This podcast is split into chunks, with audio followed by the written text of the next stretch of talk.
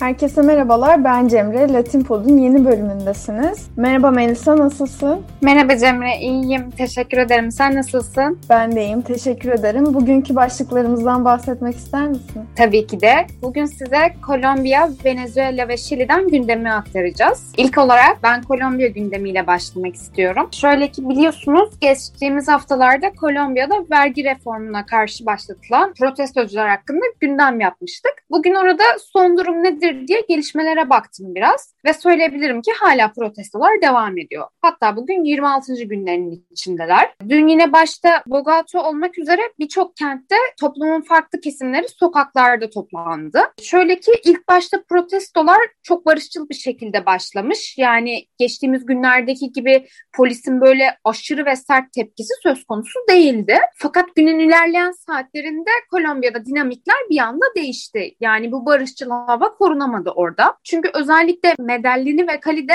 bazı grupların yolu trafiğe kapatmasından dolayı polis gaz bombası ve cop ile sert müdahalelere başlamış. Öyle ki şu anda iki kentte toplamda bir kişinin öldüğü ve 15 kişinin ağır yaralandığını biliyoruz. Burada şunu da belirtmek istiyorum.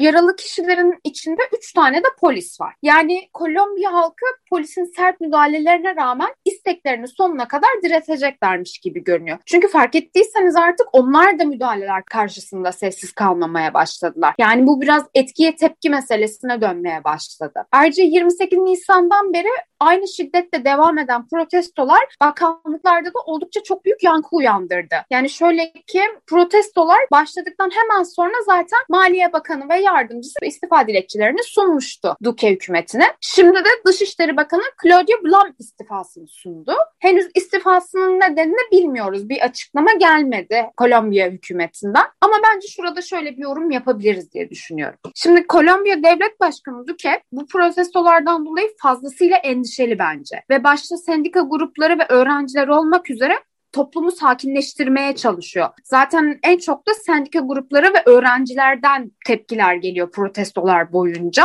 Ve hatta ve hatta onları masaya oturmaya davet ediyor bu şey, sivil toplum örgütleriyle bir işbirliği içerisine girerek.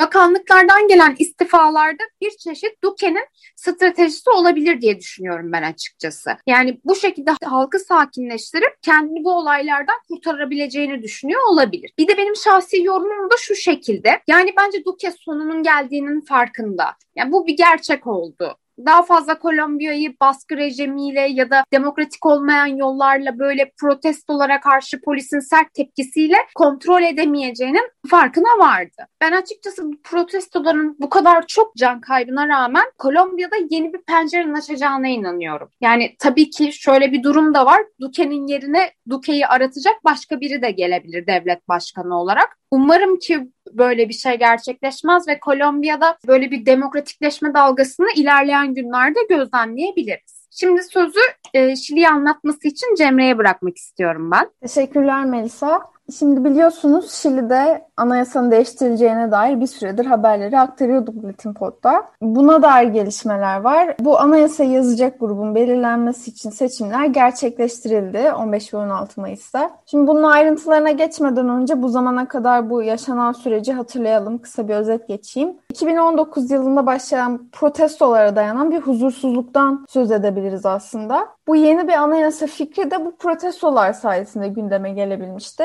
Ve sonuç olarak da geçtiğimiz sene Ekim ayında anayasa referandumu gerçekleştirilmişti. Bu referandumda da aslında iki ayrı oylama konusu vardı. Birisi direkt işte anayasa değişsin mi değişmesin mi? Diğeri de değiştirilmesine karar verilmesi halinde yeni anayasayı kim yazsın? Sonuç olarak da işte tamamen halktan seçilmiş üyelerin oluştuğu bir, bir komisyon oluşturulmasına karar verilmişti.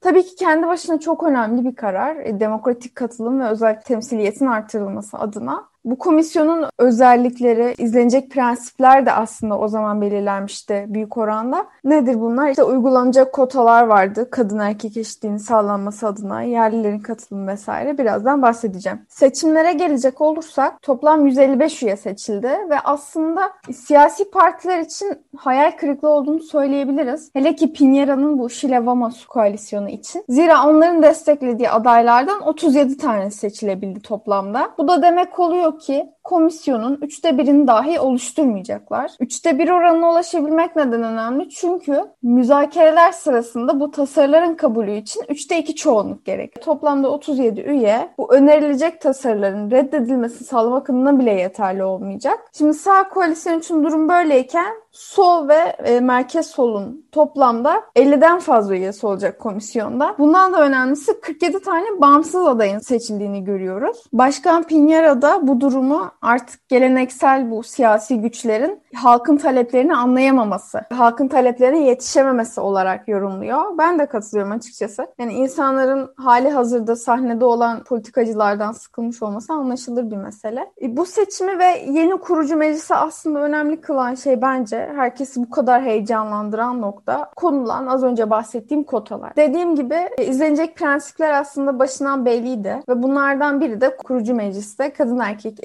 eşitliğinin sağlanmasıydı. Bunlar tamamen artık feminist hareketin kazanımları. Yani son yıllarda artarak kendisini gösteriyor feminist hareket Latin Amerika'nın genelinde. Daha önce de Latin Pod'un diğer bölümlerinde bahsetmiştik. İşte Las Tesis isimli bir feminist hareket var mesela. Kaynağı direkt Şili. Dünyaya da buradan yayılıyor. Dediğim gibi sadece Şili özelinde değil, Latin Amerika'nın genelinde önemli kazanımlar mevcut. En önemlisi kürtaj hakkı olmak üzere. Eşit derecede önemli bir mesele kadın erkek eşitliğiyle yerlerin durumu. Çünkü yerler de toplamda 17 delege çıkardılar. Onlara ayrılmıştı zaten bu kontenjan. Onların katılımı özellikle önemli. Çünkü bu yeni anayasada onların haklarını doğrudan etkileyecek meselelere yer verilmesini bekliyoruz. Nedir bunlar? En önemlisi toprağa dair haklar. İşte doğal kaynakların kullanımına, özelleştirmeleri kısıtlayacak ya da kamulaştırmalara alan açacak hükümlerin yer alması muhtemel. Onları doğrudan etkileyen bu meselelerde de tabii ki önce onların talepleri duyulmalı. Önce onların ihtiyaçlarına kulak verilmeli. Bu kararları yani yukarıdan indirmek önemli ihlallere yol açıyor çünkü günün sonunda. Sonuç olarak da umut vaat edici bir komisyon. Müzakereleri tamamlayacaklar, bir taslak çıkaracaklar ve taslak da daha sonra halk oylamasına ayrıca sunulacak. Taslak hazır olduğu zaman elbette tekrar bu meseleye döneriz diyorum ve sözü tekrar Melisa'ya devrediyorum. Ben de senin dediklerine ek olarak Şili'nin kadın erkek eşitliği hakkında bir şey söylemek istiyorum. Şili zaten bu Latin Amerika ülkeleri arasında kadın erkek eşitliğine gerçekten çok önem veren bir ülke.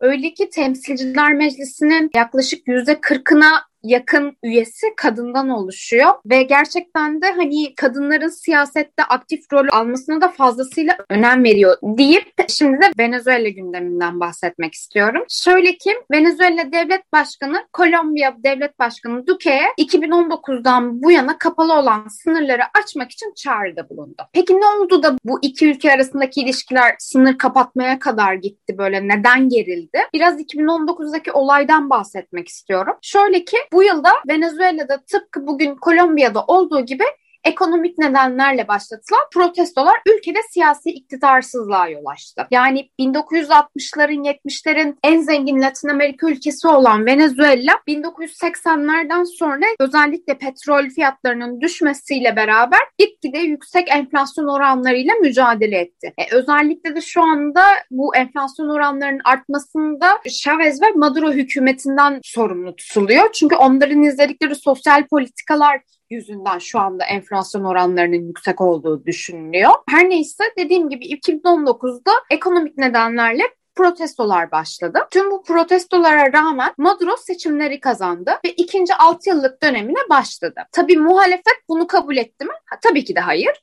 Maduro'nun zaferini boykot etti ve meclis başkanı Guaido kendi başkanlığını ilan etti. Yani geçici bir hükümet kurduğunu söyledi. Burada şöyle bir dipnot düşmek istiyorum. Bu kısım gerçekten çok önemli. Bugün hala Venezuela devlet başkanı Maduro olmasına rağmen Guaido 2019'da gerçekten güçlü bir şekilde ortaya çıktı. Yani bu gerçekten çok şaşırtıcı oldu Venezuela için. Bildiğim kadarıyla da Venezuela tarihinde ilk defa bir siyasetçi ülkedeki tüm muhalefet gruplarını tek bir çatı altında topladı. Ve üstüne üstlük uluslararası arenada meşruluk kazandı. Yani Trump hükümeti bildiğiniz Guaido'nun başkanlığını kabul etti. Latin Amerika ülkelerinin birçoğu da Guaido'ya destek verdi ve meşruluğunu kabul etti. İşte bu Güney Amerika coğrafyasında Guaido hükümetinin resmiliğini, meşruluğunu kabul eden ülkelerden bir tanesi de Kolombiya. Tabii bunun üzerine iki ülke arasında büyük bir gerginlik ortaya çıktı ve Venezuela 2019'un Şubat ayında Kolombiya'nın ciddi ve yasa dışı tehditlerini gerekçe göstererek ülkeye olan sınırını geçici olarak kapattı. Ama burada geçiciyi parantez içine almak istiyorum. Çünkü hemen ertesi gününde yani sınırları kapatma kararının ertesi gününde Maduro hükümeti daha doğrusu Maduro Kolombiya ile olan tüm diplomatik ilişkilerinin kesildiğini belirten bir demeç yayınladı. Şimdi ise Maduro sınırları karşılıklı olarak açmak istiyor. Ama Kolombiya ise sadece Maduro'nun sınırları açmasını istiyor. Çünkü ülke zaten karışıklık içinde bu protestolar yüzünden ve Duque protestocuların Kolombiya'dan kaçıp Venezuela'ya sığınmasını istemiyor gibi gözüküyor. Yine de tabii 1 Haziran'da ekonomik faaliyetleri canlandırmak adına sıkı önlemlerle sınırları açabileceği fikrinin tartışıldığını söyledi. İlerleyen günlerde ne olacağını göreceğiz bu konu hakkında. Latin Pod'un bu bölümünün de sonuna geldik. Haftaya görüşmek üzere, hoşçakalın. Hoşçakalın, görüşmek üzere.